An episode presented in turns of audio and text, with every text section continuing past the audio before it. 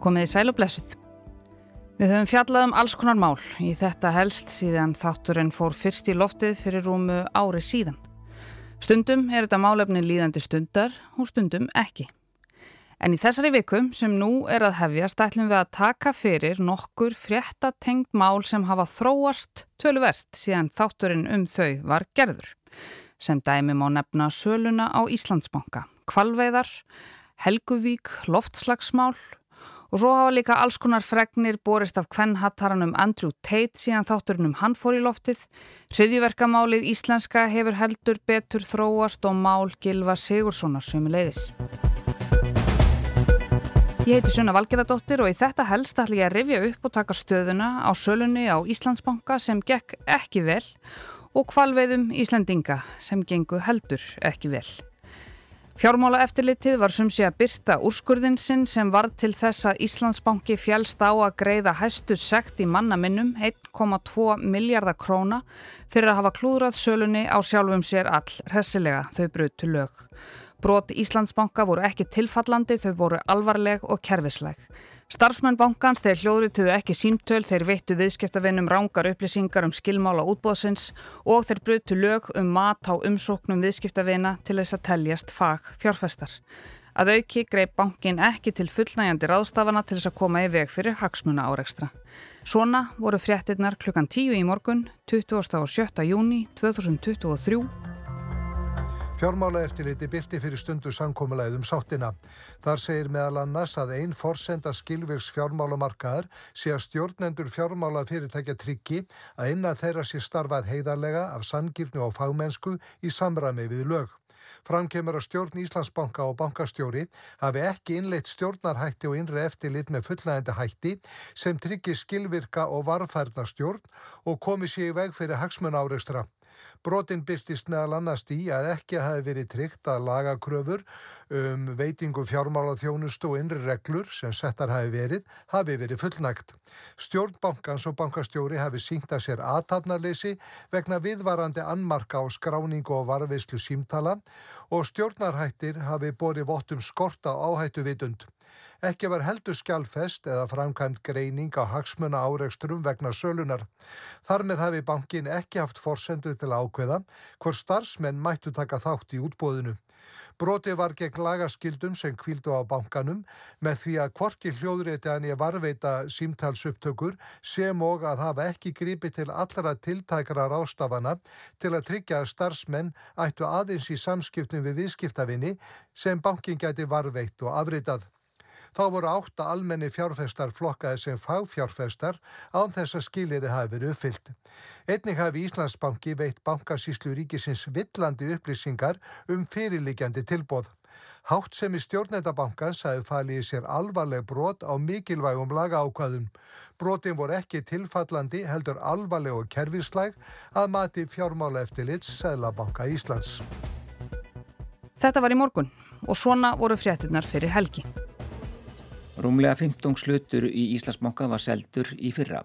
Íslandsbanki sá um hluta af sölunni. Óvanægu gætti nánast strax frá fyrsta degi með frangandina. Fórstjóri bankasíslunar sagði þó að þetta hefði verið farsalasta hlutafjárútbóð Íslandsóðunar. Íslandsbanki setti tilkynningu um sáttina á heimasíðu sína í gær. Þar kemur meðalans fram að bankin fallist á það mat fjármála eftir litsins að viðeigandi lagakröfum og innri reglum bankans um veitingu fjárfestingaþjónustu hafi ekki verið fyllt í öllum tilvikum við undirbúning og framkvæmt útbóðsins. Birna Einarstóttir er bankastjóri í Íslandsbanka. Eh, af hverju fór svona margt úrskeiðis? Já, ég held að sé að týna ímislegt til í því. Eh, það var að vera að vinna eftir svona nýrri aðferð eh, Það voru að hluta til ný lögjöf sem var til töl að nýja innleitt. Þetta var unnað að stuttum tíma. E, þannig að það eru ymsi þættir en auðvita ámar ekkert að nýta, e, nota það sem afsökun. E, það hefði hátt að vanda betur til þessara, þessa verkefnis og við sjáum það núna og það er ýmislegt sem hefði mátt betur fara. En er þetta áfællistómur yfir verklagi bankans? Hvað varðar þetta verkefni, þá er það áfællistómur varandi þetta verkefni. Birna segist ekki hafa hugsað sér að láta af störfum vegna þessa máls. Ég e, er að fullum þunga að innlega þessar breytingar sem að gerðar eru kröfu, kröfurum og alla halda því verkefna áfram. Við fjöldluðum um söluna á Íslandsbanka í þetta helst 10. november í fyrra. Það voru alls ekki öll kurl komin til gravar en þó einhver og við skulum núna hlýða á brot úr þeim þætti svona rétt til þess að rifja aðeins upp. Þetta er rúsneska leiðin! Það er ekki ríkisdóttir ykkar! Bjarni Benediktsson fjármálar á þeirra var búin að agitera lengi fyrir sölunni á Íslandsbanka og raunar ríkistjórnin öll. Sumarið 2021 var svo loks farið í almennt útbóð á hlutabrefum í bankanum sem allir gáttu tekið þátt í. Bjarni sagði þá að það getur fengist vel yfir 50 miljardar fyrir hlut ríkisins í bankanum verði rétt haldið á spöðunum. Nú í janúar hlaði Bankarsísland til að Íslenska ríkið seldi allan hlut sinn í Íslandsbanka í nokkrum áfengum. Þarna var búið að senda Bjarnar fjármálar á þeirra tillögu þar sem sagði að Bankarsíslan og Bjarni skildu hafa samráðum söluferlið hversu stóra hluti skuli selja í hverjum áfanga, hvener, hvernig og þarfram eftir göttunum. Þarna í janúar gerði Bankarsíslan ráð fyrir því að sölu heimildin myndi gilda í tvö ár til ársloka 2023. Lagt var til að ríkið seldi annan helmingin af hlut sínum í bankanum á þessu ári og ágangin á næsta ári. Bankarsíslan sagði þarna í janúar að útbóðið á rúmum þriðjungi hlutafjári í bankanum í fyrra hafi tekist vel og því líki beint við að selja það sem eftir er af hlutríkisens líka í almennu útbóði. Í almennu útbóði. En svo kom smá bapp í bátinn. Bankarsíslan setti söluferlið á stað með tilbóðsfyrirkomulagi á þegar útgefnum hlutum í Íslandsbanka til innlendra og erlendra hæfra fjárfesta þriðju daginn 22. mars 2022. Útbóðinu lauk á miðvíkudagsmorninum 23. mars verðið var 122 krónur á hlut við lokmarkaða á þriðudeginum. Eftir söluna heldur ríkið á 45% eignar hlut í bankanum og verður þar af leiðandi orðin minni hluta eigandi. Raunar er heimil til að selja einn fleiri hluti í þessu útbóði og er endaleg ákvörðun um útbóðsgengi og fjölda seldra hluta í höndum fjármálar á þeirra. Vantalegir kaupendur eru erlendir og innlendir fagfjárfistar saði Magnús Geir Eyjálsson í fréttum fyrir rúmu hálfu ári. Síðan leið nóttin og strax daginn eftir fóru gaggrínisrættir að berast. Þá kom í ljós að ákveðnum fjölda fagfjárfesta var bóðið að taka þátt og fengu þeir þar með innherja upplýsingar tímabundið. Og hlutabrefin voru seld með 5% afslætti sem sumum þótti skrítið vegna þess að það komust færri að en vildu. Markaðslögmálið um frambóð og eftirspurn virtist því ekki eiga við, að minnstakosti ekki við fyrstu sín. En það fyrist eftir því hvernig á málið er litið, segja þau sem til þekkja. Þarna var að minnstakosti mjög óljóst hvernig þessir fjárfestar voru valdir og sömulegis var ekki skýrt hvers vegna þessi afsláttur var gefin á kaupunum. Sölunni lauk á nokkrum klukkustundum. Íslenska ríkið seldi í gær 22,5% hluti í Íslandsbanka á 52,5 miljard króna til ákveðina fagfjárfesta. Almenningi var ekki búið að taka þátt. Ekki hefur verið gefið upp hverjir það eru sem fenguð að kaupa en sangant reglum útbóðsins var ákveðnum fjölda fagfjárfesta bóðið að undirrita trúnaðar yfirlýstingar við upphaf hverjar sölu sem þýðir að þeir byggu þar af leiðandi tímambundið yfir innherja upplýsingum. Hvers vegna var ákveðið að selja undir dagslokagenginu? Já, það er niðurstaða sem að bankasíslan kemst að eftir að hafa sapnað öllum tilbóðunum að, að hérna, tilbóðun eru upp á ákveðið magna á ákveðinu gengi og þegar að mann fara þessa tilbóðsleið þá auðvitað, e, eru tilbóðsgjafar með vendingar um að fá eitthvað lagra gengi henn á markaði. Það er bara eðli þessa fyrirkomlags og ég held að svona tilbóðsleið hafi hverki verið farin þannig að niðurstaðan hafi verið markasverðið eða þaðan af herra saði Bjarni Benediktsson fjármálar á þaðra í fréttum daginn eftir útbóðið. Salan var tekinn fyrir á alþingi og fyrirkomulagið var gaggrínt af stjórnarandstöðinni. Hvers vegna var verið að veita afslátt af vöru sem var svo vinsæl að það var ekki til nærið því nóafinni. Hvernig var þetta fólk valið sem átti kaupa? Hver voru það sem voru valin? Og svo framvegis. Sum fullirtu að 30 miljardar hefðu tapast við söluna en fjármálar á þeirra sæði það hundalógík. Salan hefði gengið afar vel, hún hafi verið vel hefnuð, eignarhaldið dreift og gott verð hafi fengist fyrir söluna.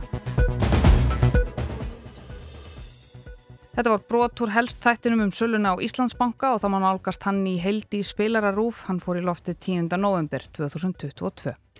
En það hefur alveg fleira gerst nýlega sem má alveg rifja upp. Í byrjun síðustu viku á hvað Svandi Svavarstóttir matvælar á þeirra vinstri grætna að banna kvalveðar dægin áður en þar áttu að hefjast. Og það varð allt vittlust. Samstarfsflokkar svandísar í ríkistjórninni, framsókn og sjálfstæðisflokkur þeir mótmæltu harðlega, þó ekki eins harðlega auðvitað og mennirnir á skaganum sem mættu á íbúafund með svandísi og púuðu á hana. Þingmennir Teitur Björn Einarsson sjálfstæðisflokki og Stefán Vagn Stefánsson framsóknarflokki mótmæltu hvað hæst. En Svandís stóð fast á sínu og sagði að þetta væri gert eftir að ný skísla kom frá fagráði um dýravelferð þar sem stóð að veiði aðferðirnar væru brot á lögum. Það var kallað á fund atvinnuveganemdar alþingis þar sem Svandi satt fyrir svörum, samtök fyrirtækja í sjávarútvegi segja þetta brot á lögum sem sé bannið og hinn eru að þessir fleiri tóku undir það. Til dæmis Jón Gunnarsson sem var dómsmálar á þeirra sjálfstæðisflokks þar til fyrir viku síðan þar sem hann satt með Svandis í ríkistjórn. Hann hafi sterkar skoðanir á þessu í vikulokkunum nú um helgina. Það er gríðarlega mikil gremja og, og hérna við erum kannski ekki alveg eh, sjóðandi og hoppandi vittlust, við erum fyrst og fremst bara mjög áhyggjufull og, og, eh, og undrandi í sjálfu sér vegna þess að það hefur alltaf leiði fyrir að uh, í þessari ríkistjórn er eitt flokkur sem er algjörlega andbyggur kvalvegum hefur þá stefnusgráfsinn eða stöða þær að meðan báðir hinnir flokkarnir eru fylgjandi kvalviðum og hafa ekki hérna vilja, eh, vilja stoppa þessa eðlulegu nýtingu á þessari sjálfbæru öðlind og uh, þessi, þessi ákvörðun svandísar er uh, auðvitað mjög umvöksunar virði og setur samstarflokkana í mjög erfiða stöðu af mínu mati Einfallega vegna þess að uh, hér hafa mætustu menn uh, leitt fram mjög góð rauk fyrir því að það sé ekki farða lögum til að mynda bara 20. grein lag um stjórnarað Íslands um rannsóknar skildur á þeirra. Hún er ekki lagt fram neinn gögnum það sem að styðja við það að þeirri rannsóknar skildu hafi verið sinn og uh, við getum bara að rifja þá upp Mál Sigriðar Andersen, það var okkur undvellið með þessa ákvæðis sem að krafan var gerðum það hún myndi víkja því hún syndi ekki rannsóknarskildu sinni. Og þetta eru þetta Ertu þá búið að það, hún er að vikja svondís Ég er bara að segja hvað afleiðingar það hafði fyrir Sigriði Já, ég. og, hérna, og uh, já, það er alvarlegt. Ef að svo er staðrindin að við erum með opin augun að horfa hér fram á það það er ekki farða lögum það er ekki tekið til greina meðalhóf í málsmeðferðinni. Áhrifin eru þetta gríðaleg þau voru ekki rannsökuð. Það er að segja hvað áhrif hefur þetta á starfsfólkið? Krafa uh, þessara talsmannaflokkana á þessum pundi var alveg skýr að það var krafa um það að Svandís myndi draga þessa ákvörnum tilbaka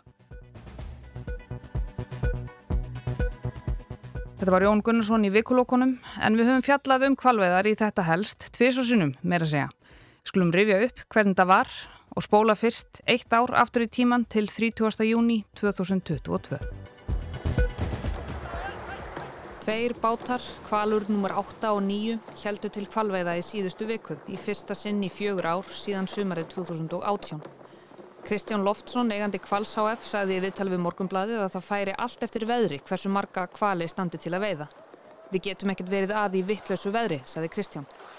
Kvalavertíðin stendur í um 100 daga og samkvæmt ráðgjöf Havarónsóknarstofnunar má veiða 209 kvali í kringum Ísland, Grænland og Færegar. Stopnin taldi vel yfir 30.000 í síðustu talningu. Þetta er alveg nóg fyrir okkur við tökum að hámarki tvo kvali á túr, saði Kristján líka.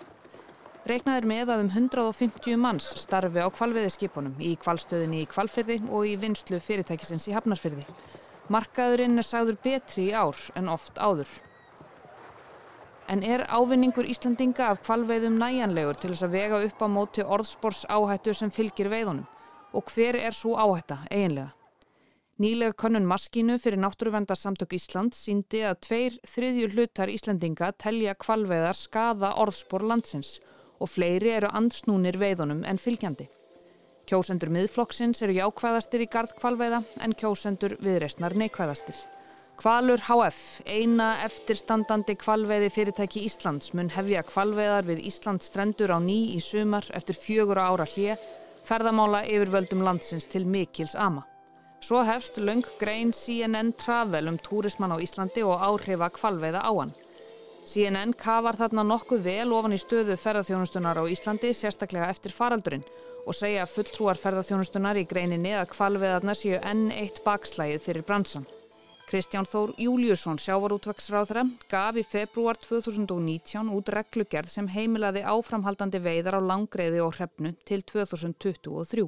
Það er nú ekki margir aðeinar sem stunda þessar veiðar hér á landi. Er eitthvað sem kallar sérstaklega á það að við höldum þessu áfram? Nei, í sjálfs er, það alveg hárétt að það er ekki margir sem að hafa stundað þessa veðar en ég er ekki að taka þess ákvörðun út frá því sjónamið, fyrst og fremst út frá því sjónamið að við höfum haft þá stefnu að, að, að nýta náttúröðlindir með sjálfbærum hætti á grunni vísindalega ráðgjafar og þessar veiðar eru á vísindalegum grunni, þær eru sjálfbærar, þær eru undir eftirliti, þær standast og eru í takt við alltjóðlega lög og svo framvegis og framvegis. Vinstri græn hafa gaggrínt kvalveðar á undanförnum árum og oftar en einu sinni samþýtt landsfundar álitun þessa efnis. Katrín Jakobsdóttir fósættisráðara hefur einni lísti yfir á alþingi að hún telja að kvalveðar séu ekki sjálfbarar. Vinstri græn voru þarna veturinn 2019 með fórsættisráðunettið eins og nú en sjálfstæðisflokkurinn með sjávarútveksráðunettið. Nú hefur Vafgi hins vegar fengið þann vafasama heiður en Svandi Svavastóttir tók við nýju matfælaráðunetti eftir síðustu kostningar og næri nákvæmlega þremur árum eftir að Kristján Þór, forveri hennar í starfi, setti reglugerðina um kvalviðarnar, ritaði Svandís grein í mokkan þar sem hún sagði fátt raukstiðja áframhaldandi kvalviðar. Þetta var í júni í fyrra. Svo liðu margir mánuðir og núna í vor gerði matvælastofnun skýrslu um kvalviðar. Þá gerði við annan þátt í þetta helst. Hann fór í loftið 9. mæ. Matvælastofnun telur að veiðar á langreiðum hér við land síu ekki í samræmi við markmiði laga um velferð dýra. Skísla stofnunarinnar byggir á niðurstöðum gagna sem eftirlitsmenn fiskistofu söpnuðu þegar þeir fyldust með veiðum um borði kvalveiðibátum í fyrra. Í fjörðungi tilvika þurfti að skjóta kvalina oftar en einu sinni. Í tveimur tilvikum þurfti að skjóta oftar en fjórum sinnum. Tæpa klukkustund tók að aflifa annan kvalinn og hinn um tvær klukkustundir. Hrönn Ólína Jörundsdóttir, forstjóri matvælastofnunar, segir að samkvæmt lögum um velferð dýra í að sjá til þess að aflifun taki sem skemstan tíma og valdi sem minnstum sásöka. Fiskistofa í samstarfið matvælastofnun hóf reglubundið eftirlit með kvalviðum á síðasta ári þegar 148 langreðar voru veitar. Matvælar á þeirra segir að niðurstaða skýslunar sé sláandi. Það þarf að raukstiða það vel ef að þessi eh, atvinnugrein á að eiga framtíð fyrir sér og mér finnst þessi gögn benda til þess að, að þessi atvinnugrein eigi e, meira skilt við fortíðeldur um framtíð. Matalar á þeirra gefur út leifi til kvalveiða, núverandi leifi rennur út í haust og ráð þeirra segir óljóst hvort það verði endur nýjað. Hins vegar sé ekki hægt að stöðva fyrirhugar kvalveiðar í sumar. Það þarf lagagrunn til þess að, að kipa þessu leifu og sambandi sá lagagrunn er ekki fyrir hendi uh, eftir því sem uh, ég er upplýst um í mínu raðaniti og það þarf auðvitað að byggja á uh, lögmætum grunni. Saði Svandís í mæ. Svo komu gögn því hún stoppaði veðarnar. En eins og þau heyrið þá er ímislegt búið að gerast síðan þessir þættir um kvalveðar og Íslandsbankasöluna fóru í loftið. Bankin fekk heldur betur skell kvalveiði menn sumu leiði svo fullt, fullt af peningum er í spilinu. Því allt virðist þetta jú snúast um peninga. En þetta var fyrsti þátturinn í þessari viku af upprifjunum og uppfarslum í þetta helst. Ég heiti Sunna Valgeradóttir og þakk ykkur fyrir að leggja við hlustir í dag. En á morgun þá ætlum við að líta til útlanda og sjá hvað er að frétta af hinum og þessum misumdildu fræðar mennum og konum. Heyrums þá.